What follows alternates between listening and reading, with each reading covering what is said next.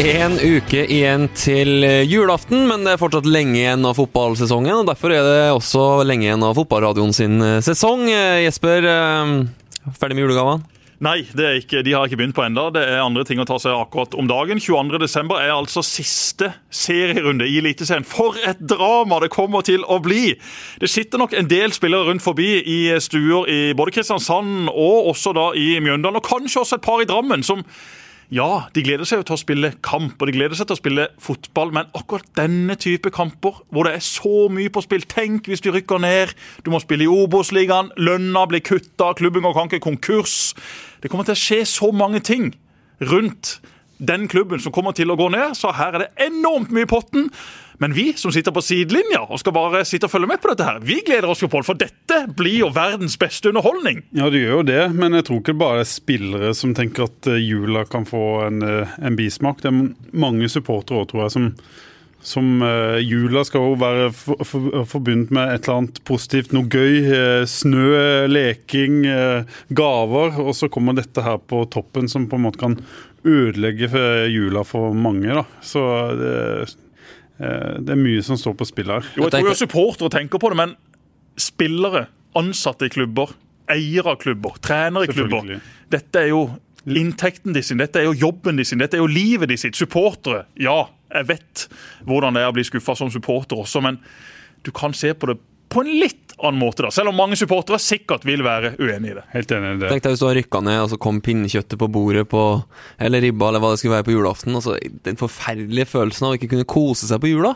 Ja. Etter du rykka ned. Ja, det er som å sitte og glede seg til pinnekjøtt, og så er det torsk som kommer på bordet. Sånn har jo mange det på Sørlandet. Har du torsk på julaften? Nei. På? Hva har du? Jeg har uh, ribbe. Ja, ok. Litt bedre. Ja, litt det er litt bedre. Hva har du, du Steffen? Vi er, vi er ribbe på julaften. Er det ribbe oppe i Trøndelag der? Er ja. det der, er det, der det stammer fra? Jeg hadde ikke smakt pinnekjøtt før jeg var 20 år gammel. Så det...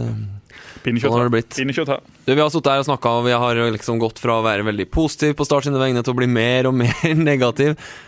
Hva tenker vi nå?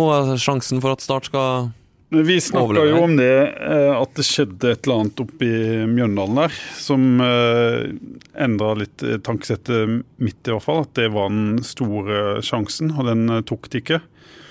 Og at nå eh, Det er jo så mange ting som eh, spiller inn her. Så i det ene øyeblikket kan du tenke at eh, dette er stor sjanse for at det går. Og i neste så kan du tenke at dette er jo håpløst. Det kommer jo ikke til å, å gå. Og sånn går dagene for meg. At det ene scenarioet er plutselig bra, og så er det dårlig igjen det neste dagen. Jeg vet ikke om det handler om dagsform. Jeg vet ikke hvordan det er for deg, Jesper.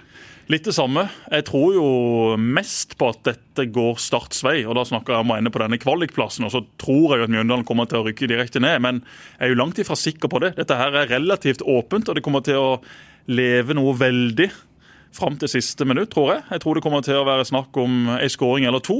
Mjøndalen møter da Ålesund hjemme, og Ålesund, sånn som de så ut eh, i sist kamp, hjemme på Color Line, de var forferdelige. De så ut til å være ferdig med sesongen. De så ut til å være klare for uh, julemat og julebord og, og, alt det som hører jula til. Så fikk de på pukkelen av ganske mange, og så har de hatt noen kamper i, Men så har de nå hatt en lang periode fra den kampen, da, ja. hvor du da skal trene. Du er møkk lei, du har rykka ned. du har hatt et veldig spesielt år som har eh, kosta krefter også på andre vis enn akkurat det å spille fotball akkurat det å trene fotball. Mm. Så hvordan har de nå klart å opprettholde intensiteten og kvaliteten på disse treningene? Hva går disse spillerne rundt og tenker på?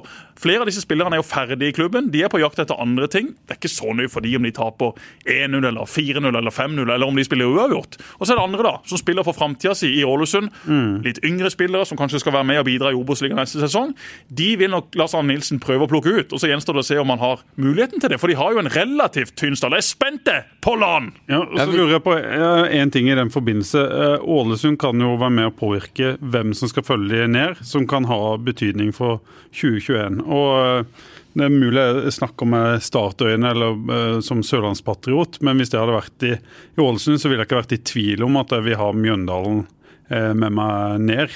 De har vært det nest dårligste laget etter Ålesund i, i, i, år, og har på en måte ikke ressursene som Start i utgangspunktet har. og Vi venter bare på at Start skal bli et stabilt eh, topplag. og Historien viser at Start rykker opp igjen når de rykker ned. Så jeg, jeg ville jo mye heller hatt med meg eh, Mjøndalen ned med tanke på 2021 nå. At det kan være en motivasjon, eh, håper jeg, håper jeg da. Og Vi kan sitte og spekulere i hvordan Ålesund har det, men jeg snakka jo med Lan sjøl i dag tidligere. Vi skal høre litt. Jeg stilte akkurat det spørsmålet. Hvordan ser du på det å være i, i bunnstriden? Og det var det her han sa.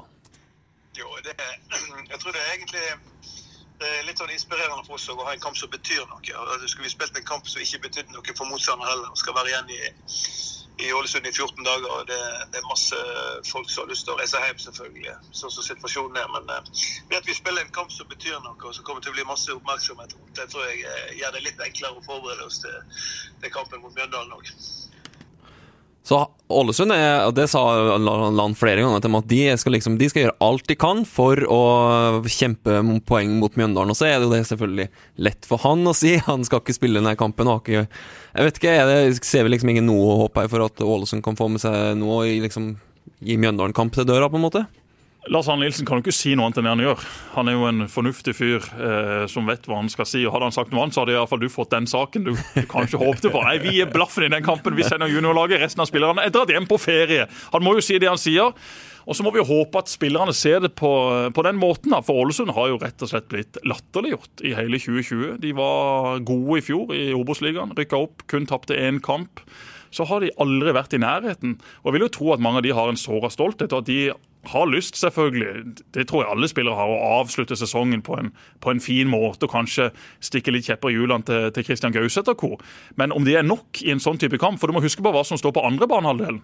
Der står de desperate. Der står den gjengen som endelig for de sin del fant fram til den desperasjonen i hjemmekampen mot Start. Da syns jeg du så litt gode, gamle Mjøndalen. Mm. Da så du det i blikket. Sondre Solholm Johansen kasta seg ned i egen boks, hedda baller ut til corner. Så grein etter kampen. Gauseth selvfølgelig med krampe etter 80 minutter, 84 minutter, 90 minutter. Og så dro de i land en knepen seier.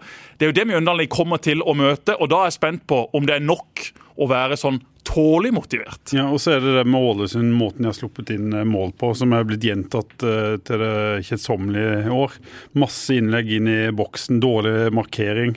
Uh, masse dødballmål imot. Noe som Mjøndalen har sine styrker. Hvis de klarer å sette trøkk på, på dette Ålesund-laget og komme til masse legg, så, så jeg klarer ikke å se at Ålesund skal klare å få med seg noe. Men de er jo sårbare bakover, og Mjøndalen har jo ikke vært vært effektive, men jeg tror de kommer til å vaske opp nok av sjanse til å skåre ett eller to mål der. Vi snakker om et lag som Mjøndalen som har skåra 22-23 mål er det på 29 kamper. Det er jo ikke veldig skremmende. og det er så mot... Altså, men hvor mange har Ålesund sluppet inn? Ja, det er jo akkurat det. Da. De 100 baklengs! Mjøndalen får ikke noe større sjanser enn de fikk mot Rosenborg, f.eks.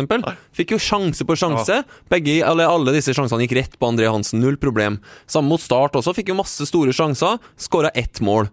Og så skal plutselig, altså skjønner at vi møter et helt annet type lag enn Rosenborg. Jeg skjønner at du ikke skal sammenligne, men Du kommer til mer åpne hva sjanser. Hva tilsier at Mjøndalen plutselig skal skåre fire her, da? At det er Ålesund de møter. Ja.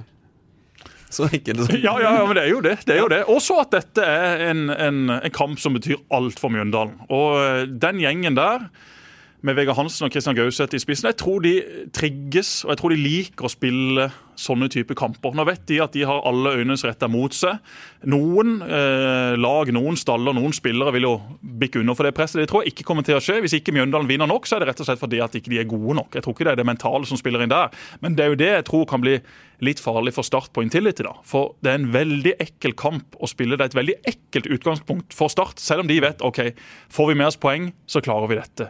Men du skal møte Vålerenga på Intility, og Vålerenga har noe å spille for. Og Vålerenga har en offensiv kraft. Hvis de først får det til å spille, da er jeg veldig spent på hvordan Start kommer til å klare å stå imot. Og i alle fall, da, hvis de skulle få en eh, tidlig i fleisen, da vil Mjøndalens spiker gaule det utover alt det som er stadionanlegg der oppe. Mm. Og så får de enda mer inspirasjon, og så har vi det gående. Det kommer til å være intenst, utrolig spennende, og jeg både gleder og gruer meg på samme tid. Så må Ålesund sette riktig mann i mål. da. De kan jo ikke ha eh, den beste keeperen sin på benken fordi han ikke skal skrive kontrakt. Eh, for eh, videre spill i Ålesund. Eh, Kongshavn har jo vært ute store deler av året, spilt noen gode kamper for Ålesund og er jo i nærheten av å ha det tippeliganivået som de to andre keeperne i Ålesund ikke har hatt. Eliteserie, Pål. Ja, i Eliteserien.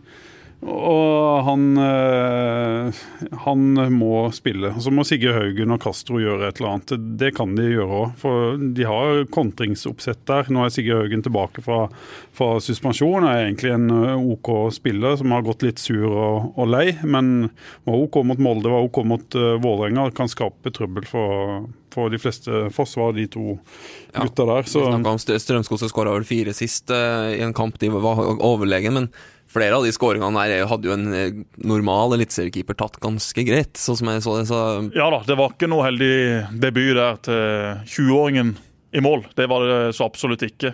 Samtidig så hadde også Gods eh, sjanser til å skåre enda flere mål. Lars Jørgen Salvesen gjorde jo akkurat som han ville. Mm. Han eh, var på et annet nivå enn eh, i alle fall alle de som spilte i oransje. Mm. Han imponerte meg veldig i den kampen. og eh, Det kan jo også Mjøndalen få fram. De har Castro og Haugen, men, men Mjøndalen har jo også gode spillere. Hvis de får litt plass og litt selvtillit og det begynner å flyte, så, så er jo også de et lag som kan produsere mange sjanser mot uh, Ålesund. og Det er ikke sikkert at de trenger å vinne med så mange mål hvis Start virkelig går på trynet på Intility. Det er jo det som hele tida vil være en vurdering, taktisk også, fra benk til benk til benk. Start har vært gode i det siste, de, mm. men dette blir noe annet. Jeg husker med gru Kampen i 2000 og nå var det startmøte Lyn på Ullevål.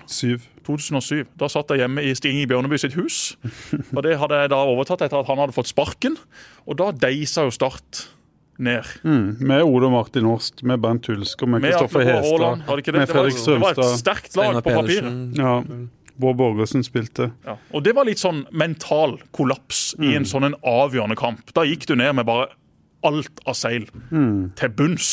Det var ingenting i den båten som holdt det flytende. Og jeg tror jo ikke det skjer, for jeg syns Start nå har vært gode og solide i ganske mange kamper på rad. Så er det ikke alle resultatene som har gått riktig vei, men måten de har fremstått på, det gir oss jo et håp da om at dette skal det her er jo 2018-sesongen all over again. Vi satt og liksom ah, Kjetil Rekdal har fått orden på det her. De ser så bra ut, de kan ikke rykke ned, det kommer til å gå bra til slutt. Og så kom det tre-fire resultater. Taper 4-1 borte mot Sandefjord. Eh, sjanseløs når det kommer til siste kamp i, i Haugesund. Det kan jo være noen som hører på som ikke helt vet hva som skal til her nå for at Start eventuelt skal rykke ned. Så vi kan jo friske opp i det også litt kjapt. Jeg, jeg, jeg, forklarte dette til sønnen min, og det, ja. meg, det, ga meg egentlig litt sånn eh, positiv eh, innstilling til det hele. Men det må komme fire negative beskjeder. Ja. De som følger Start ja. i, i, i, løpet av disse kampene. Og negative beskjeder det er Vålerenga-mål og Mjøndalen-mål. Ja. Og eh, hvis eh, det kommer et startmål eller et, eh, et Sandefjord-mål, så må du legge til en negativ eh, beskjed. da. Ja, For der er vi snakk om Mjøndalen og Ålesund. Ålesund. Sandefjord, ja, Nå må vi ikke forvirre folk enda mer. Men det her handler jo om hva Start gjør sjøl. Ett poeng, så kan jo Mjøndalen vinne med 10-0 om de vil. Eh. Ja. Men vi tror Så enkelt er det. Hvis Start tar poeng da blir det Da blir det kvalik, i hvert fall. Minimum kvalik. Ja. Det gjør det så absolutt. Men Hvis Start taper 1-0 så må Mjøndalen vinne 3-0. Hvis Start taper 3-0, så holder det for Mjøndalen å vinne 1-0. Så enkelt, så komplisert. Lykke til på tirsdag, alle sammen. Men den trygge plassen, da? Godset skal ut mot Odd nå på lørdag, vel? Og... Der tror jeg de sikrer plassen i Eliteserien. Odd virker ferdigspilt. De er jo ferdigspilt sånn rent poengmessig, vel, men uh, ja, Bakenga ut med strekk der i går og Jeg har rett og slett ikke tenkt på den der sikre plassen nå. Nå er det bare et fokus uh, som startmann. Og det er jo da at eh, kvalikplassen den må Start ta til takke med om de får den. Og så er det da en eh, kvalik 28.12., er det det? Ja. ja. I Oslo. Mot Åsane, Sogndal eller Ranheim. Ranheim. Sogndal er jo store favoritter til å ta den eh, siste Eller den uh, kvalikplassen fra første divisjon, fordi de skal spille én hjemmekamp uh, 22.12., rett før Start uh, spiller sin kamp. Jeg snakka med en Start-spiller her for, for, noen dager siden. Jeg spurte hvem, hvem vil du helst ha av de fire, og han svarte Åsane. Fordi det er en type lag som Start rett og slett passer dårlig mot. Hvem vil du ikke ha? Ja, hvem vil du ikke ha, var ja. jeg mente, selvfølgelig. Og da svarte han Åsane, for det er jo et lag som Start, eh, type lag, sånn som KFM i fjor, som Start rett og slett sleit med, for de er sånn ballspillende type lag. Men sånn som Sogndal og Ranheim, ja, de har tatt ganske bra med poeng, men de er jo ikke i nærheten av det Start var i fjor, f.eks. Start hadde jo rykka opp med god margin med poeng, poengfangsten i fjor, og Sogndal har tapt ni-ti kamper, det samme har Ranheim. Så vi føler oss vel ganske Jeg vil ikke si trygge, jeg vil aldri si trygg med Start, men de vil være ganske klare favoritter. De vil være favoritter. Og så er det over én kamp, og det taler til fordel for førstedivisjonslaget. Da blir det mer eh, flaks og marginer og tilfeldigheter som kan, kan, avgjøre, enn om det ville vært over to kamper. da. Ja, Det er et viktig poeng. Normalt sett så er jo eliteserielaget klare favoritter fordi at det spilles over to kamper. Og, og Lillestrøm i fjor også. De hadde jo egentlig ganske grei kontroll på start. Og så var det han eh, gærningen fra fra Manadal som, som, plutselig bestemte seg for at han ville rykke opp. Eh, men uansett hvem du møter av disse lagene, så vil Start være greie favoritter. Mm. Jeg håper ikke at det blir Ranheim. De to andre, Sogndal og Åsane, de tror jeg Start skal komme seg forbi på en eh, grei måte. Ranheim de har en del typer i laget sitt, de har erfaring. De har også litt sånn Åsane-måten å spille på hvis de mm. først får det til å flyte. Så er de litt mer kyniske. Kanskje litt mer smarte, da. I enkelte deler av spillet Åsane får velfortjent mye ros for måten de spiller fotball på. Men jeg tror Start sitt høye press mot det Åsane-laget kunne skapt store problemer for Åsane. For hvis du stiller opp der med, med, den gjengen som har vært gode i det presset i det siste, så er det noe annet å møte enn en del av de lagene Åsane har møtt i Obos-ligaen. Mm. Det er jo helt vanvittig dramatisk. Det er utrolig mye som står på spill her. Vi må snakke litt om hva kommer til å skje med Start, om det blir et nedrykk, da. Jeg har jo en teori om at et nedrykk nå vil bare være drepen for all, alt av interesse, etter alt som har skjedd de, de siste tre årene med, med, et, med investorene som kom inn, satsa tungt. Ok, det gikk ikke på første forsøk, vi får prøve igjen. Ikke noe eller nei, nå Jeg vet ikke. Hva, hva vil et nedrykk bety? Jeg tror ikke det vil ha det vil være drepen for noen interesse som har vært eh, stor, men en eh, fortsatt nedadgående kurve da, eh, på, på interessen. Og så tror jo jeg på lengre sikt at den vil vekkes til live igjen når Start eh, presterer. Men for Start som eh, klubb vil det jo være fryktelig å rykke ned igjen eh, nå. Jeg tror jo, ja, skal vi tippe sju-åtte av de beste spillerne fort forsvinner om de går ned. Noen vil sikkert erstattes, og så blir det ikke bare å spasere seg opp igjen. men Eh, det er jo eh, fryktelig å rykke ned uansett, men jeg mener det var enda verre i 2018. At klubben på en måte er bedre stilt nå. De har fått gjort noe med utgiftene sine som gjør at det er litt nærmere de inntektene de har, selv om de ikke har tetta det gapet eh, ennå. Og så er det veldig avhengig av hva disse investorene tenker og hva de gjør. Eh, de har jo sagt at de er med uansett, at vi skal stå i dette. Så, og så Det ville de sagt uansett. som som vi var innom eh, Lars Arne Nilsen her i stad. Det er sånn du er nødt til å, å, si. Du kan ikke gi et signal om at en er ferdig hvis stat eh, går ned eller at ting endrer seg. Men hvis de er med, hvis satsinga opprettholdes og de får beholde de beste unge spillerne sine og, og trenetimer og sånn, så, så ser ikke jeg så mørkt på Starts fremtid som det jeg gjorde i 2018, der på en måte alt rakna. da.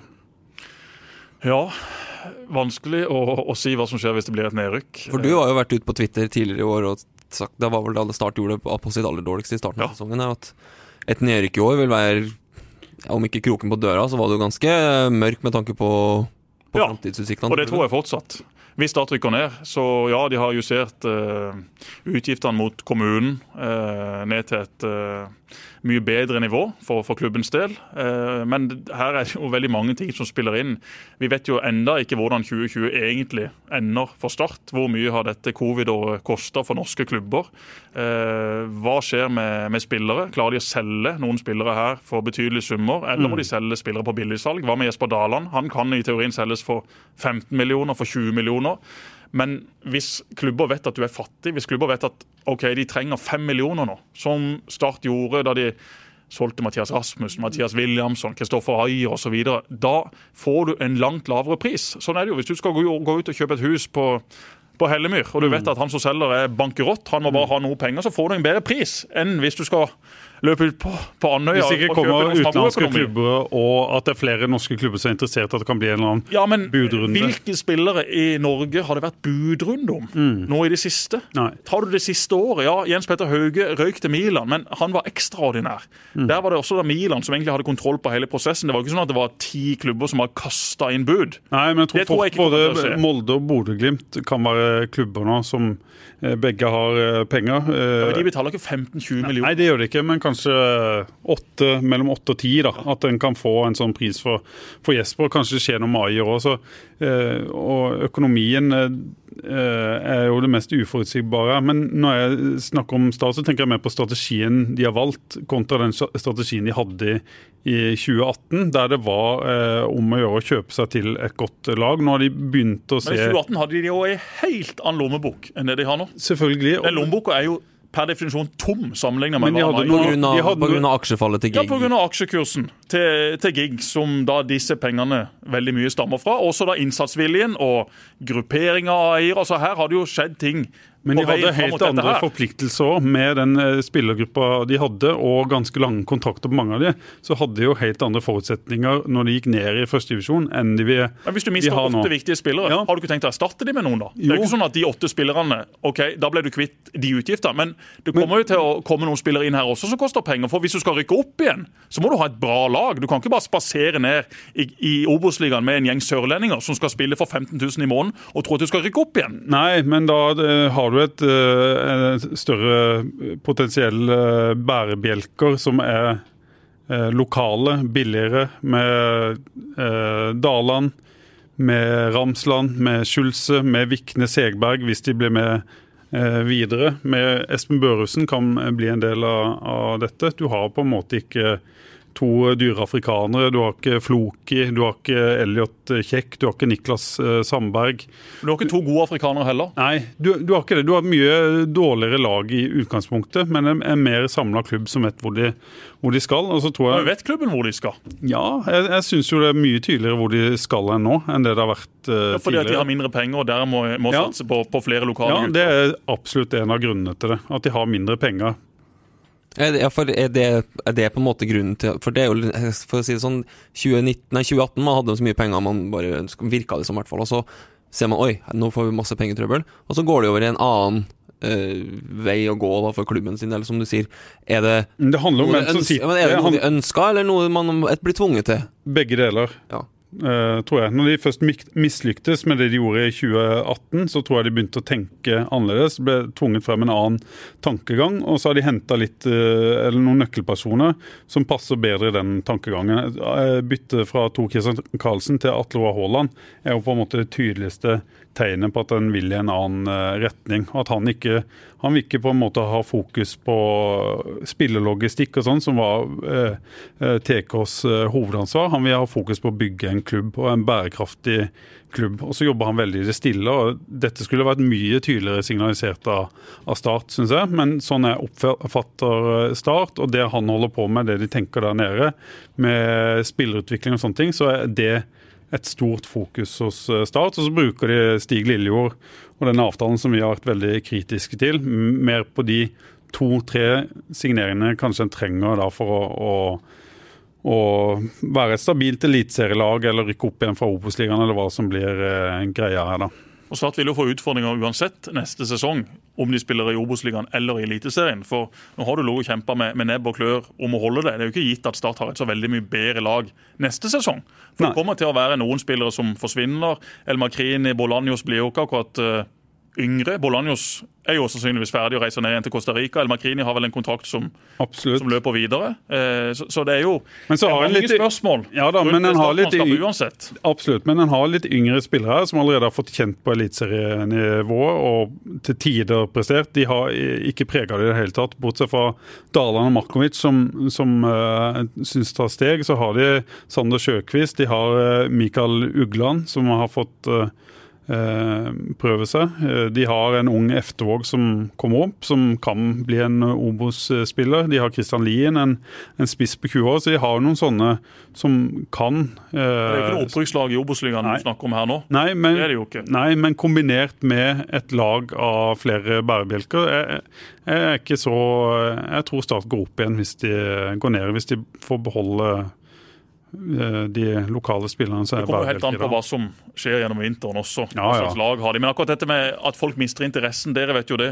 Folk klikker seg inn og leser om Start uansett nesten hvordan det går sportslig. For det ligger en sånn... Men de går ikke på stadion av den grunn. Nei, det, går, det ligger en sånn latent interesse, men fra det å lese hos dere til å gå på stadion, den veien er ganske lang for Mm. noen. Men de som er mest hardbarka, de kommer jo til å være deprimerte i jula, i romjula, et par uker ut i januar. Men så begynner treningskampene, Og så ser han Markovic god ut. Og har du sett han er nye nå fra Lyngdal, som plutselig datt ned fra, fra himmelen? Han også ser bra ut. Så du vil alltid klare å bygge opp igjen en, en sånn viss positivitet blant de mest hardbarka. Men det er ikke det som er den store utfordringa. Utfordringa er jo å kommunisere og få med seg massene, og få med seg byen og få med seg sponsorene. For når du sier ja, klubben er på rett vei, de har valgt en annen strategi Det er ganske få i denne byen som enten har forstått hva er strategien, og som har fått det med seg. Helt Der ligger det en stor utfordring, uansett hvem som styrer klubben, uansett hvilken divisjon du spiller i. Ja. Men strategien er jo at de skal satse på unge, lokale talenter. og... Men er det noen klubber i Norge som ikke har den strategien? Nei, det er jo et godt poeng, da, men det er i hvert fall en, hvert fall en mye tydeligere plan enn man har i hvert fall opplevd at man hadde i inngangen på 2018. Men nå har Start ikke hatt den strategien. Så hvorfor jo... akkurat dette i 2018, hvor de henta inn mange spillere. Det har jo alltid vært en av de tingene Start har vært opptatt av. Ja, vi skal bruke sørlendinger, vi skal få fram sørlendinger. Helt enig, men, men vi har jo ennå ikke sett det nei, på den måten. Det har blitt jobba altfor dårlig i utviklingsavdelinga til Start. Det tror jeg er den største forskjellen på nå, og sånn det har vært uh, tidligere. At det mer har vært ting de har, har sagt, og så hva de har gjort annerledes enn alle andre klubber. Nå tror jeg for en ung eh, spiller som skal bli toppspiller, å gå til Start kontra å være i Jerv eller en annen klubb, er ganske mye større forskjell enn det det har vært. Både med, med kunnskapen som er der, med teknologien de bruker, som er veldig lik det de bruker på A-laget, med kampene du kan få i, i nasjonal serie og alle de tinga der. Jeg tror at det ligger bedre til rette for å, å klare å ta det steget, sammen med en ledelse som eh, skal få opp Eh, spillere fra U-avdelinga inn på Starts eh, A-lag. Misforstå meg rett, jeg er helt enig med deg i det du sier. Jeg syns det mest positive med Start i 2020 er den jobben som gjøres blant de yngre spillerne. De som jobber der, er flinke. Akkurat der har Start en fin strategi, da. La oss kalle det en strategi, selv om jeg ikke er så veldig glad i det ordet, for en strategi kan være så mangt. Men det er jo der muligheten til Start ligger. Hvis du zoomer litt ut og skal se på Start og hva er mulighetene for å kunne skape et stabilt topplag på Sørlandet, jo, det er jo akkurat Sørlandet. Du må faktisk gripe fatt i alt det som er talenter, ha stålkontroll på de, gå tidlig nok inn, lære de dette må til hvis du skal bli en god nok spiller for oss om mm. tre år, om fem år, om ti år. Møt foreldrene, si hei og hå, kom på kamp. Bli kjent med både spillere og foreldre, eh, og så i tillegg, da, ikke la det gå på bekostning av disse halvdårlige utlendingene som alltid vil komme inn eller fra andre steder i landet. Det er jo der muligheten til start ligger. Hvis de klarer å få fram spillere fra Sørlandet, mm. den gjengen din fra Himletroll, eller den gjengen fra Vennesla, eller den gjengen fra Lyngdal, eller hvor du måtte være, der ligger det et enormt inntektspotensial, og ikke minst også et sportspotensial, fram til du får solgt disse gutta. Nå ser vi at de klarer å plukke opp han eh, Jasper Torkelsen, keeperen fra ja. Vigør. De har også henta han eh, som jeg ikke husker navnet på nå, fra, fra Arendal. Det, spill, det, kan jo, altså det har sett sånne spillere glippe fra start for, for flere år siden. Ja, og Sånne type spillere vet du ikke om blir eliteseriespillere. Jeg deler veldig Jesper sin skepsis med at Start har sagt dette i alle år. De har aldri klart å, å løse det. De har aldri klart å løse det uh, hva skal du si, De har et enormt potensial som de ikke har klart å bruke. De har ikke klart å utnytte hvor de ligger, eh, hvor mange spillere de egentlig har tilgang på. At Kristiansand er en svær eh, by. Det har vært altfor mye tilfeldigheter og det har vært altfor mye snakk. Og Nå opplever jeg at det er litt litt mindre snakk og litt mer god jobb. De har fått Agder fotballkrets inn på, på Sør Arena. De har bedre forhold til klubbene rundt. Det er, mer, eh, det er mindre krangling, litt mer strømlinjeforma. De har luka vekk banefotballen, som de bør etter hvert begynne å få effekt av. Men så er jeg helt enig med, med Jesper. Foreløpig ser det på en måte eh, litt bedre ut på papiret. Og så er det jo det er jo ikke kommet noen resultater av dette ennå. Det er jo ikke sånn at det er flust av talenter. 16-17-åringer i start som er på landslag. 15-åringer. Det eh, ser ikke ut som det gror spesielt eh, godt her, her nede. Men de, de, finnes jo, de talentene. Og så er det jo om å gjøre å klare å, å forvalte det. Og der, og det er ikke bare der må de bevise. Ansvar. Det er jo hele sørlandsfotballen ja. sitt ansvar. Men Start må gå i spiss. Start må faktisk reiser rundt og forteller disse her hva som skal til, og at Start har et bedre forhold nå til naboklubbene, er også noe Start er veldig glad i å si. Mm. Men, men øh, Hvorfor har de det? Eh, hvem kan, hvem kan, si at de har et bedre forhold til naboklubbene? Hvis de har, sett, hvis de har et så godt forhold til Vindbjata, hvorfor skriver Steinar Skeide han gjør om mm. Start på Facebook? Hvis de har et så utrolig godt forhold til Vigør, hvorfor snakker Vigør-folk om Start sånn som de fortsatt gjør? Mm. Det er jo ikke sånn at Start har hatt et forferdelig forhold til alle klubber. Jeg hadde reist rundt med Start-turneen i årevis og reist rundt og besøkt Randesund og Gimletroll og Arendal og Trauma og Lyngdal. Alltid har det vært kjempehyggelig. Jeg er så lei av å høre det også, at ja, nå har vi et så mye bedre forhold til klubbene. Mm. Det har aldri vært et dårlig forhold til veldig mange klubber. Må de, de, de, må slutte å si sånn ja, nå er kulturen så mye bedre. Da snakker du ned den kulturen som har vært. Nå er naboklubbene så mye mer glad i oss. Da snakker du også ned det som har vært. Jeg er helt enig i det, men nå, jeg tenker mer på avtaleverk og sånn som ligger der, som har skapt masse trøbbel. At Start har opptrådt uprofesjonelt og sånne ting. Nå ligger det ting i bånn som er avklart eh, der. Og så tror jeg det ligger masse historie òg eh, bak her, som fortsatt preger enkeltpersoner og forholdene at, klubbene mellom. Jasper, som Rutford har trent, faktisk går til Start. Det er jo et stort steg i riktig retning.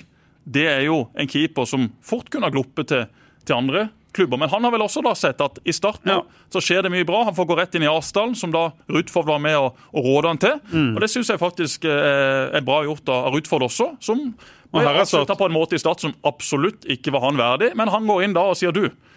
Han skal inn, men han skal inn i avstand. For her har Start gjort et, et godt arbeid på forhånd. Hvis de ikke hadde eh, hatt et møte med Erik Rutford tidligere i år, hvor de på en måte la ballen dø. Hjertelig velkommen inn på Sør Arena. Erik begynner å gå på kamper igjen og eh, føler at noen av de som han hadde et horn i sida til, er borte fra, fra, klubben. og Nå kan han gå inn på Sør Arena og se startkamper igjen. I, være med som æresmedlem hos eh, hos uh, hva, hva, heter det? Start uh, Seniorrådet. Pensjonister. Ja, de er fine. De er fine. Men er ikke det bare et tegn på at Start har valgt en litt mer ydmyk tone overfor Eh, ja, Erik Rusvold Pedersen, men også lokale klubber. Det er jo lokale klubber, du sier det har vært godt forhold til klubber, det er mange klubber, det er ingen tvil om, men det er jo også store klubber som Vigør, som Vindbjart, som har opplevd Start som litt Her kommer vi, store brautende klubben, og skal ta litt for oss og plukke talenter som vi vil. At man har valgt en litt mer ydmyk tone. De løste jo noe med å ikke gå etter klubbenes 13-åringer og sånn, da. Særlig i Kristiansandsfotballen så ble jo det sett på som da ble det sett på som en stor, stygg ulv i mange tilfeller. og men jeg tror fortsatt de har veldig mye å gå på i Arendal, i Vennesla, Lillesand, eh, vest for eh, Mandal, en del av småklubbene. Og så har de eh, nok hatt fokus på å lage samarbeidsavtaler med de klubbene som er rundt byen. da. Vigør, Don, Gimletroll, Randesund. Der tror jeg det er bedre enn det har vært. Det er, vanskelig inntrykk. Også. Start skal jo være ydmyke, men de skal jo samtidig være tydelige. Mm. For det er jo Start som til slutt vinner på hvis disse andre klubbene gjør en god jobb, og så slipper spilleren til Start. og Så kan Start bruke han i fire-fem år, og så selges mm. han, og så får Start penger igjen. og Lyngdal eller Vindbjart eller hvem det måtte være, får også penger igjen. Så eh, at, at Start eh, har gjort mye bra mm. opp igjennom, ja, det har de gjort. Har de gjort mye feil? Ja, det har de også gjort. Ligger det et stort potensial der fortsatt? Soleklart. Og det er jo der egentlig Starts største mulighet ligger. Derfor er det jo mm. fint å ha en mann som Atle Roar Haaland inne, som eh, gå hjem hos uh, veldig veldig mange mennesker både i øst og vest, som har en stor troverdighet og som, som liker å jobbe på denne måten. Og så er det jo om å gjøre at uh, man får fram disse unggutta på et vis som gjør at eh, Start kan få nytte av dem. Også bare, også fram med budskapet, fram med ungguttene. Det kan ja. være konklusjonen. Men Vi kan snakke så mye om at det jobbes bra, men så lenge pengene ikke er der, og, så, og hvis det er et nedrykk nå, så er det jo fort i uh, hvert fall 10, om ikke 15 millioner i forskjell på det budsjettet. Kanskje også mer. Og så snakka du om disse investorene. Du har mista Mats Nesse, Kristoffer Langland er jo med formelt, i hvert fall, som et styremedlem. Hvor aktiv han er. det. Så nå er det plutselig bare tre av de som skal på en måte være der og være er den store pengesekken. Men Det, det syns jeg, det, det synes jeg er det største usikkerhetsmomentet. Samarbeidet mellom stat som klubb og disse investorene. Hvilken vei tar det? Hvilke holdning har investorene eh, til sitt eh, engasjement? Det skulle jeg på en måte eh, gjerne visst og, og ja, spådd hvordan det blir. Men jeg har vært med i så mange år og sett hvordan investorer har kommet og gått, og sett hvor stygt det kan bli. Vi har snakka litt om det i tidligere episoder. Eh, om Ernst Ravnås og Magne Kristiansen og gjengen, der de på en måte blir tvunget ut fordi lommebøkene rett og slett tømmes. Det er ingen som er interessert i å, å sitte og kaste penger ut av vinduet på noe du har trodd skulle gå bra over mange, mange år. Det har, det har, ikke folk eh, penger og tålmodighet til, og det er fullt forståelig. Så det må på en måte komme et, et skifte her hvor de, hvor de tjener penger for at dette skal bli et stabilt og langt uh, forhold. da. Og Nå har jeg sett på dette her eh, med veldig dystre øyne før i år, og, og, for så vidt gjør det fortsatt. Så, så er det ikke fordi at jeg tror Start kommer til å forsvinne, at det kommer til å bli sletta som, som, klubb. Eh, men jeg er jo veldig usikker på hvordan blir satsinga de neste tre-fire årene? da? Hvis det nå blir et nedrykk, hva slags lag vil Start sitte igjen med? og det er ikke bare bare å rykke opp fra Obos-ligaen. Start har alltid gjort det, men det er jo fordi at man har klart å opprettholde en, en, en, viss satsing. Man har fått fram uh, noen nye, men flere av de da etablerte har faktisk levert på et bra nivå i den nest øverste divisjonen. Hvordan blir det nå i 2021 og 2022? Hva hvis da to-tre av de viktigste brikkene fra dette laget reiser? Og så får mm. du én langtidsskade, to langtidsskader. OK, hvem skal vi nå hente inn? Hvor skal vi hente pengene fra? Der har jeg mange ting jeg lurer på. Det får vi kanskje ikke svar på da før vi kommer godt ut i, i februar og mars og ser hvordan denne spillerstallen vil se ut. Men at Start kommer til å forsvinne, nei, det er jo ikke det jeg snakker om. Men jeg snakker om at hvis det blir et nedrykk nå, så kan det ta ganske lang tid før Start er opp igjen og slåss blant de beste. Det kan også skje veldig store endringer rundt klubben, både hva gjelder eh, ledere, eiere. Det, det vet vi jo. Trenere. Trenere, ja. Joey også eh, kan jo være et usikkert kort hvis det skulle bli et nedrykk. Sånn, sånn, er det jo å være trener. Mm. Eh, han er jo samtidig ei, ei ja, billig og lokal løsning sammenlignet med, med, veldig mange andre. og Jeg vil jo tro at de som sitter og er ansvarlig for dette i Start, ser at ok, utviklinga som spillemessig, og at mange spillere her har tatt steg i riktig retning. Men så snus alt dette, da, hvis du rykker ned med dårlig prestasjon på Intility, så kan det godt være at dette blir sett på med nye øyne, det også. Og så husker vi hva som skjedde når Kjetil Rekdal rykka ned med Start. Det er, ingen eh, faresignaler med Joey der, men når du har en, en spillerstall som eh, kjemper i, i Eliteserien og konkurrerer mot de beste og stort sett gjør det bra, og så blir du fratatt eh, fem-seks spillere og skal konkurrere på andre vilkår året etter i en divisjon under. Det er klart at det kan være demotiverende for en trener som har lagt livet og sjela si i det som har en familie eh, på sida. Hvilke tanker Joey gjør seg om det, det vil han jo aldri på en måte dele med andre enn en sine nærmeste. Han skal ha den energien og, og en positiv påvirkningskraft på, på spillergruppa, men hva han tenker om eh, laget går ned og han får noe helt annet å, å jobbe med, er det jo ingen av oss som heller vet. Hva tror du da, Steffen, hvis det blir et nedrykk? Hvem, hvem, du, du, har jo sett enormt med treninger, du har sett alle kamper, du har uh, satt børs og kommentert. Hvem tror du er de viktigste, da? Hvis det skulle bli et nedrykk, hvem tror du er de, de tre viktigste spillerne skal, skal, bære dette opp igjen? Nei, jeg tenker jo Spesielt en som Jonas Dormeland eksempel, er jo et usikkert kort her. Ja.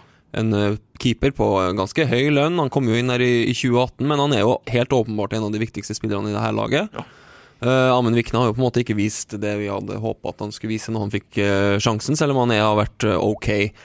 Men det er, jo, det, er jo det som har vært framtidsplanen her, at Amund Vikne skal inn og bli, bli førstekeeper. Ja, han holder i Obos-ligaen i massevis, tenker jeg. Det er greit, og, men Jonas Dormland er fortsatt en viktig spiller for det her. Han er dyr. Men han er dyr, og derfor tror jeg at han kan fort forsvinne. Vi snakker om Jesper Daland. Forsvinner han, så har du plutselig enda en nøkkelspiller borte for deg. Det, en, det vil jo garantert komme større klubber, og, i hvert fall når vi starter rykkene, og vil hente han. Uh, så er det Erik Schultze. Han kommer jo til å bli, uh, vil jeg tro. Martin Ramsland det samme. Da har du på en måte to, hvis Martin blir frisk, da. Det er jo da helt klart det viktigste her, å få han tilbake i den formen han var i 2019, som han ikke har vært i nærheten av i år. Hvis du klarer å beholde de fire, så har du på en måte stammen. Uh, så tviler jeg kanskje på at du klarer å beholde de to bakerste der, da. Jesper Daland, Erlend Segberg, Erik Skjulse, Martin Ramsland. Hvis de fire kan, kan bli og være premissleverandører, så, så tror jeg eh, Jeg sier ikke at det er godt nok til å rykke opp igjen, men da har de i hvert fall eh, fire spillere som holder høyt eh, høyt Obos-nivå. Og så kan du legge til Amund Vikne, tror jeg, og der, da. Ja, Men et helt ikke utenkt scenario er jo at du mister Jonas Dormland, du mister Jesper Daland, Eirik Vikne. Uh, Erlend Segberg, kanskje. Han går ut av kontrakt. Kevin Cabran, ikke minst, har kontrakt ett år igjen, høy lønn.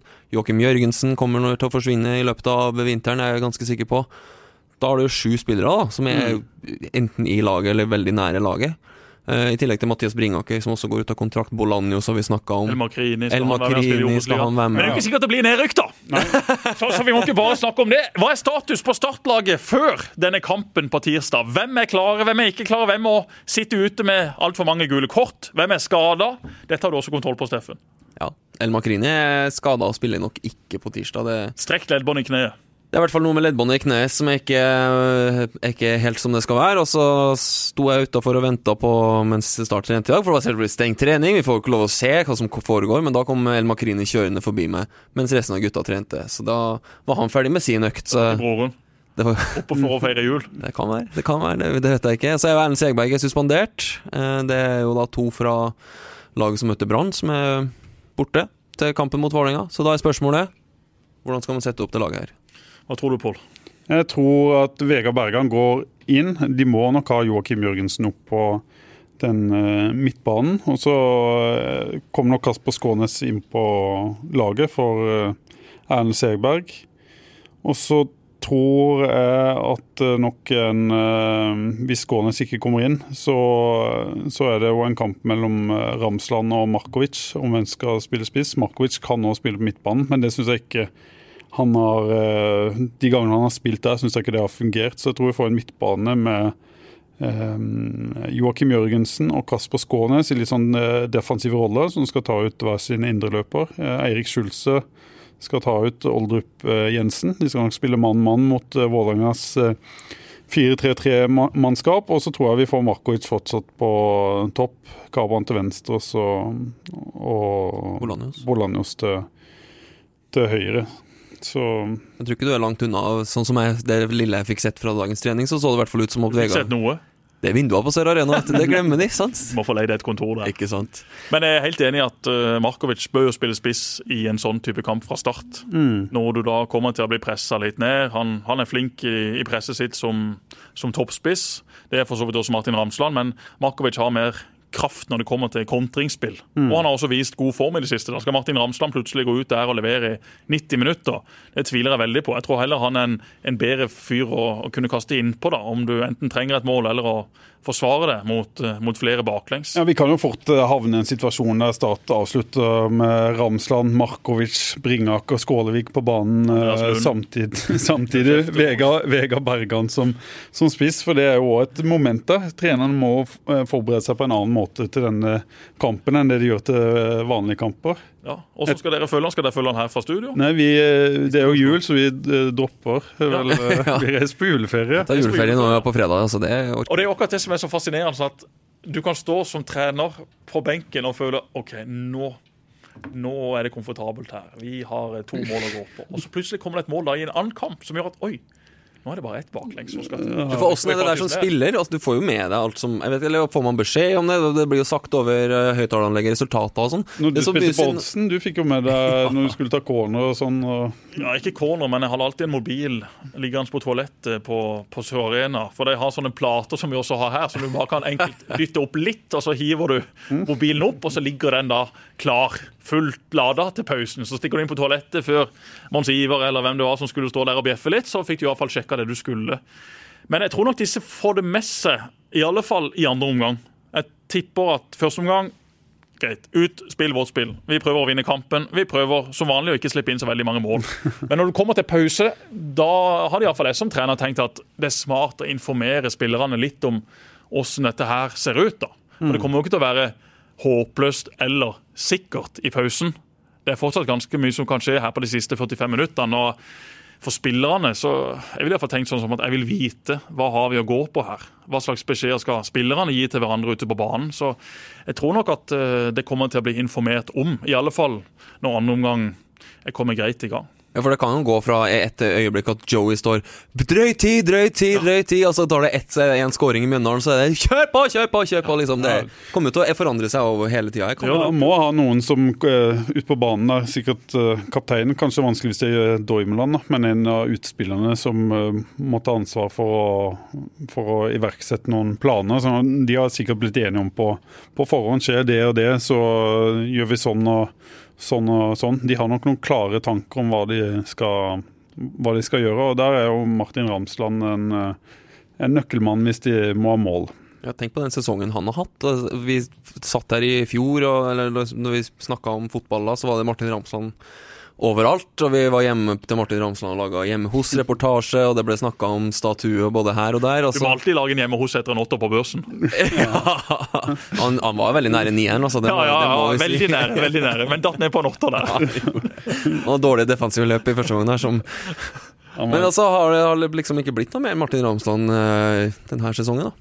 Nei, vi snakka om det her i en annen episode også. Dette med når ikke du har en kropp som fungerer 100 så, så er det vanskelig å komme seg opp igjen på et uh, veldig bra nivå. Så uansett hvordan divisjonen blir for Start neste år, det å få i gang Martin Ramsland, prøve å få han til å kunne trene jevnt da kommer han til å begynne å levere igjen. Hvis han ikke klarer å trene jevnt, så, så er håper jeg, nivået såpass høyt, om det er Obos-liga eller Eliteserie, at ikke du klarer å å være like skarp. da. Også, jeg tenker bare Som spiss så, så, tror jeg kanskje det er den verste posisjonen å være litt sånn rusten i. Som, mm. som stopper, så kan vel klare det sånn, sånn tålig, selv om ikke kroppen er helt 100. Men akkurat som spiss, du lever på så små marginer. og Bare spol tilbake igjen og, og se de målene Ramsland skåra på Åråsen.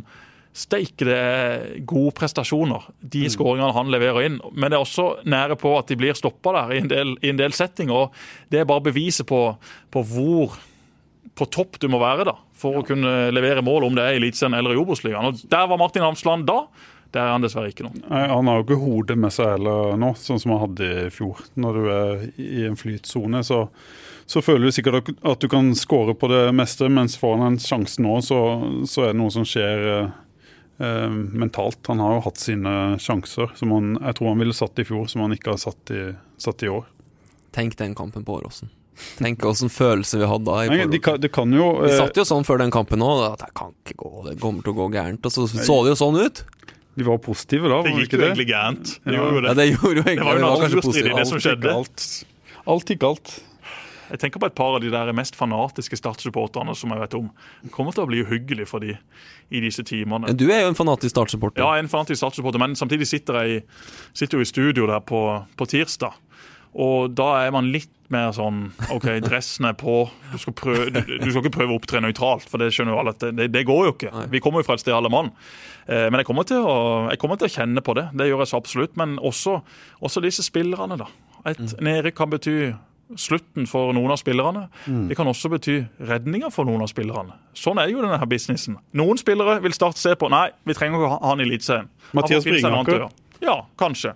Så rykker du da ned, og så sier Start hm, han her er verdifull. Han kan mm. få lov å være med videre. Ja. Mm. Så det er jo noen spillere som jeg vil tro også sitter og tenker sånn. Et nedrykk vil kanskje være bra for meg. Hva med de yngre spillerne i Starts stall, eller de som akkurat er på vei inn i stallen? De må jo nesten håpe på et nedrykk for egen del, for da kan de faktisk begynne å få spilletid. Blir det eliteserie, ja, da er det langt langt tøffere å komme seg inn i den stallen, i det laget, inn på den benken. Men rykker du ned, ok, syv-åtte mann forsvinner, det må jo fylles på med noe. Mm. og da blir det noen unggutter. Og hvis du da vet at du er i den skorpa, mm. så sitter du med litt sånn ambivalent følelse der tirsdag kveld. Tror du at uh, Atle Roar Haaland og Joey Hardarson har en sånn 2021 Eliteserien med en tropp, og 2021 Obos-ligaen med en tropp? Er det, er det sånn en kan jobbe? Jeg tror ikke Joey har det, men jeg tror Atle har det. Jeg mm. tror Atle har det. Jeg tror eh, de som sitter og styrer budsjett, har det. Eh, det, det må de jo ha, mm. naturligvis. Men jeg tror ikke Joey har vært involvert i det. Hans fokus er å vinne den kampen på Intility. Og så kan ikke han bruke krefter på, på, hva, som, ja, på hva, som, skjer eh, neste sesong. Han må bruke kreftene sine 100% på det som kommer nå. Ja. Og så vil heller han bli tatt inn til samtaler om hvordan ser dette her ut hvis det skulle bli nedrykk eller eliteseriespill. Hva står det på T-skjorta? Vi produserte jo noen T-skjorter i eh, Italia med B-laget. Det handler om å vinne denne kampen. Det er det som står på min T-skjorte i dag. Marius som gikk foran og skulle produsere opp noen via en italiensk fyr han hadde fått tips om. da, og det var jo noen sinnssyke priser på de der T-skjortene og genserne. Og så kommer det jo toll og moms på i tillegg, så jeg tror de der genserne koster 1000 spenn til slutt for eh, sluttbrukeren. Vi eh, så jo også at eh, det ble omsatt for ganske mye penger på disse klærne. TV 2 eh, hadde vi vel egentlig ikke avklart alt med. Så det endte opp med at uh, alle pengene fra salget går da til Kirkens Bymisjon. Så, så det, endte, det, endte, godt for, uh, for, alle parter. Jeg ser for meg en episode av Tollerne på TV 2 der med 10 000 T-skjorter. Det handler om å vinne denne kampen. ja, uh, men folk er, folk er fine. De, de, kjøper, de, kjøper, sånne ting over lavsko, de. Så det er nok en del sånne T-skjorter som ligger under diverse juletrær. Jeg tror vi solgte klær for det var 300 000 på de, på de to første dagene. Folk helt ville. Og så kommer det moms og greier i tillegg på dette. her. Og jeg ringte Marius, du, har vi opplyst om at det er moms og, og, eh, og toll på disse her tingene? Jeg står ikke det på sida, da? Jeg vet ikke. jeg vet ikke. Ah, ja. Det står på T-skjorta mi. Og det handler jo ikke om å vinne kampen på tirsdag. Det handler jo om å ikke tape kampen. Ja, det, altså. det, er jo faktisk det viktigste. Så enkelt som det. Og Det ble jo trykt opp Ramsland-T-skjorte etter Åråsen i fjor. Ja. Hvem får en T-skjorte i i, I posten. I posten i år, skal du si. Hvem blir uh, Helten. Helten.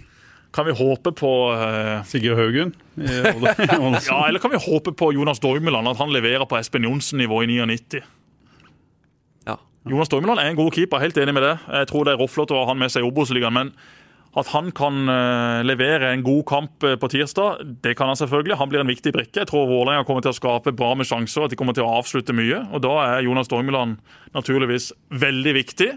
Hvem andre skal vi uh, se på? Kevin Cabran er nok min mann, hvis jeg, skal, hvis, jeg, hvis jeg skal peke på en som kan bli tunga på vektskåla for om Stad skal spille Eliteserien neste år, så, så, går jeg for han. Eller så kan det bli en ny runde med Ramsland-T-skjorta. Ja. Tenk det, hvis han kommer innpå der og redder Start igjen. Da må vi nærme oss statue, faktisk.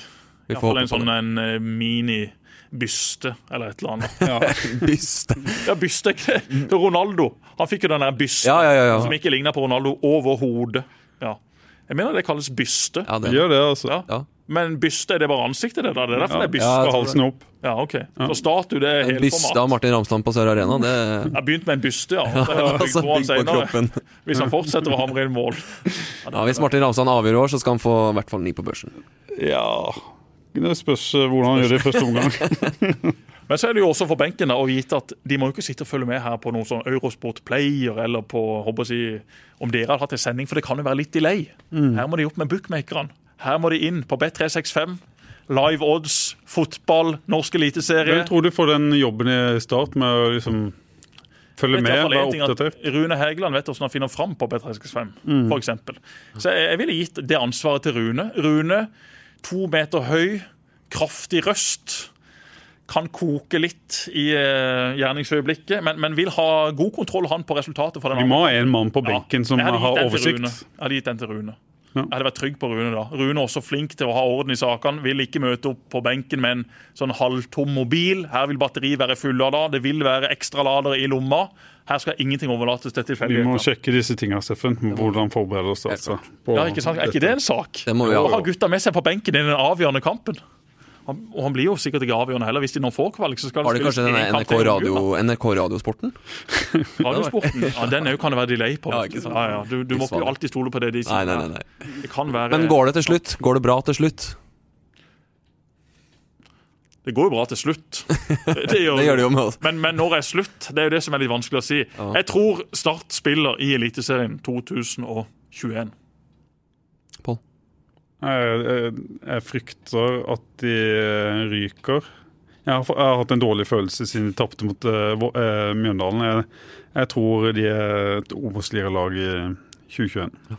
Senere som du får siste stemmen, som Jan Fredrik Karlsen vel fikk da han sendte Kurt Nilsen videre i Idol for 15 år siden. Ja, jeg har jo jinxa det i alle rundene jeg har sittet her, og alt har skjedd motsatt. Men jeg tror 2021, Eliteserien etter kvalik, slår Sogndal. Ja. Du tror kvalik slår slå Sogndal, ja. ja. for det er akkurat det. Selv om det skulle gå håper jeg, litt galt med start på tirsdag, så må jo fortsatt Mjøndalen slå Ålesund. Men jeg tror jeg... Jo, det vet du, De slår jo Ålesund! De er jo ferdigspilte! De gir jo blanke! Lars Arne, hyggelig fyr! Jeg tror en ting til eh, skjer, da, som vi ikke har vært innom før vi legger på røret. Jeg tror at eh, Start rykker ned. Og så blir det et enormt kjør mot eh, NFF, det de allerede har satt i gang. Som jeg mener er helt feil eh, fokus på hvor ting er unfair, urettferdig. At det kommer et eller annet der de eh, prøver å Ja, For det har vært litt på det? At... Ja, jeg tror de kommer til å prøve å, på et eller annet vis å få 18 eh, lag i Eliteserien, eller hva det skulle være neste år. At det, at det, det blir kommer... jo helt utrolig teit ja, ja, hvis du skal bare... drive og holde på på det viset. Vent og se hvis de rykker ned. skal du se, Da, da kommer det. Okay. Ja, Men det kan de jo ikke gjøre, kan de det? Nei, nei, de kan ikke det. Nei? Hvem er det som tror det? Nei, men Dere har jo sett at de har Tror du det? Ja, tror du tror jo ikke det! Nei. Nei, du gjør jo ikke det, Jørgensen. Du kan jo tro på det. Men jeg syns de har begynt å bygge opp om et eller annet. Der, der de skal... når, en, når, en, serie er ferdigspilt, så er serien ferdigspilt. Ja. Da må noen rykke ned. Sånn da måtte det eventuelt bli gitt beskjed om dette her i april. Start blir Norges Donald Trump i, etter Vålerenga-kampen. Kanskje de vil støtte Thomas Berntsen, som ville at det ikke skulle være nedrykk i 2020? Ja, men det sa han jo håper jeg, for mange måneder siden, ja, ja. og da er det for så vidt greit. Men vi kan ikke begynne med det nå. Ah, ah, ah, 18 lag neste år. Vi må hive opp igjen to lag, og så går det ingen ned, og så Nei, bare sur. Du, du. Stop the count. Det, det, kommer ikke kommer ikke til å skje. Nei. Stop the count, ja. Da blir det kvalik, da. Ja, ja. Og det er vi ikke fornøyd med det? Jo, altså Start må jo være fornøyd med kvalik nå. Ja, ja. Den store skrekken er jo å rykke direkte ned. Og Tenk deg hvor tungt det der blir på tirsdag kveld hvis det blir et direkte nedrykk i Obos-ligaen sammen med Jerv. Gratulerer med å holde plassen i Obos-ligaen, Jerv. Det var en viktig skåring der eh, på slutten. Det, det, det, kan bli så tungt altså, for supportere, for spillere, for ledere. Tenk deg det Excel-arket der som skal åpnes på den fana øverst og lengst ute til høyre, som du egentlig har håpet at jeg skal aldri åpne den. Tenk hvis den skal blekkes opp der på onsdag morgen. Eller om du da kan dra fram Eliteserien i 2021. Blekka, som ser langt hyggeligere ut. Den verste dagen er den dagen eh, terminlista kommer for 2021. Uff a meg. Raufoss, Ullkisa, Stjørdalsblink, kanskje. Ja. Nei, nå er Jesper i ferd med å snakke seg ned i et uh, mørkt hull her, så nå må vi heller uh, se ja, fram mot tirsdag. Jeg tror at det blir eliteserie i 2021. Ja. Det tror jeg. Og jeg tror det blir med 16 lag, og at Start er ett av de lagene. Deilig. Lykke til på tirsdag, tirsdag, tirsdag er vi på plass. Ja. Da er vi i Oslo. Vi er i studio her, og så ønsker vi lykke til. Dere to er i Oslo. Vi er i Oslo. Hvem er her? Jim Jim Jim, Jim. Det ble for mye Donald Jim, Daniel Alsey. Daniel Aase sitter her, og så kommer det flere gjester innom. Så bra. Ja. Og nå starter det sendinga? 16.45. Ja. Når laget kommer. Når laget kommer. Og da, derfra ut, så blir det ja. Fullt det, det, blir en lang dag. Men så kommer jula på torsdag likevel. Ja, hvis ikke de da velger å utsette jula. Legge inn litt flere dager i 2020. Det er mye som kan skje. Vi må bli ferdig med 2020 nå. Ja, fryktelig. Ja, fryktelig det må, det blitt... Og vet du hva? Det kan bli mye verre. Ja, det, er, det, kan, det kan bli mye verre. Alle tror bare vi får 2021, så, alt, eh, så er livet lysere. Men Tenk deg det. Hvis du sånn nå er Start-supporter, og du ser dette kan skje f.eks. med Lars Martin Gimse. Ja. Så får man at dette kan, kan skje med han. Han sitter hjemme tirsdag kveld, ser Start rykke ned. Samme dag får han beskjed om at han har vært i nærheten av noen som er koronasmitta. Må dermed sitte i karantene de ti neste dagene og bare banne og steike og skrive på Twitter. Nå må vi låse den kontoen, for det kan bli mye rart som blir sendt ut uh, derfra. For en kamp det kommer til å bli på tirsdag. Jeg gleder meg. Nå, jeg, nå gleder jeg meg. Jeg gruer meg ikke sånn. OK, om du rykker ned. Start kommer til å bestå. Start kommer til å rykke opp igjen en eller annen gang. Det er jo ikke så farlig. Her skal det ikke styrtes fly eller kjøres biler inn i en fjellvegg. Det er fotball vi snakker om. Og det, da er jo dette her som er gøy. Det kan du tenke nå, men det tenker du ikke i det øyeblikket starter nede tirsdag kveld. Men fram til det så blir det gøy. fram til det blir det gøy. Ja, det, ja, det blir jo gøy. altså Selve kampen blir jo gøy. Ja, ja. Dommeren blåser. Jøss, det blir gøy. Ja, ja. Så kan det bli kjedelig utover kvelden. Det kan det bli. Det kan bli. Veldig bra. Takk for i dag.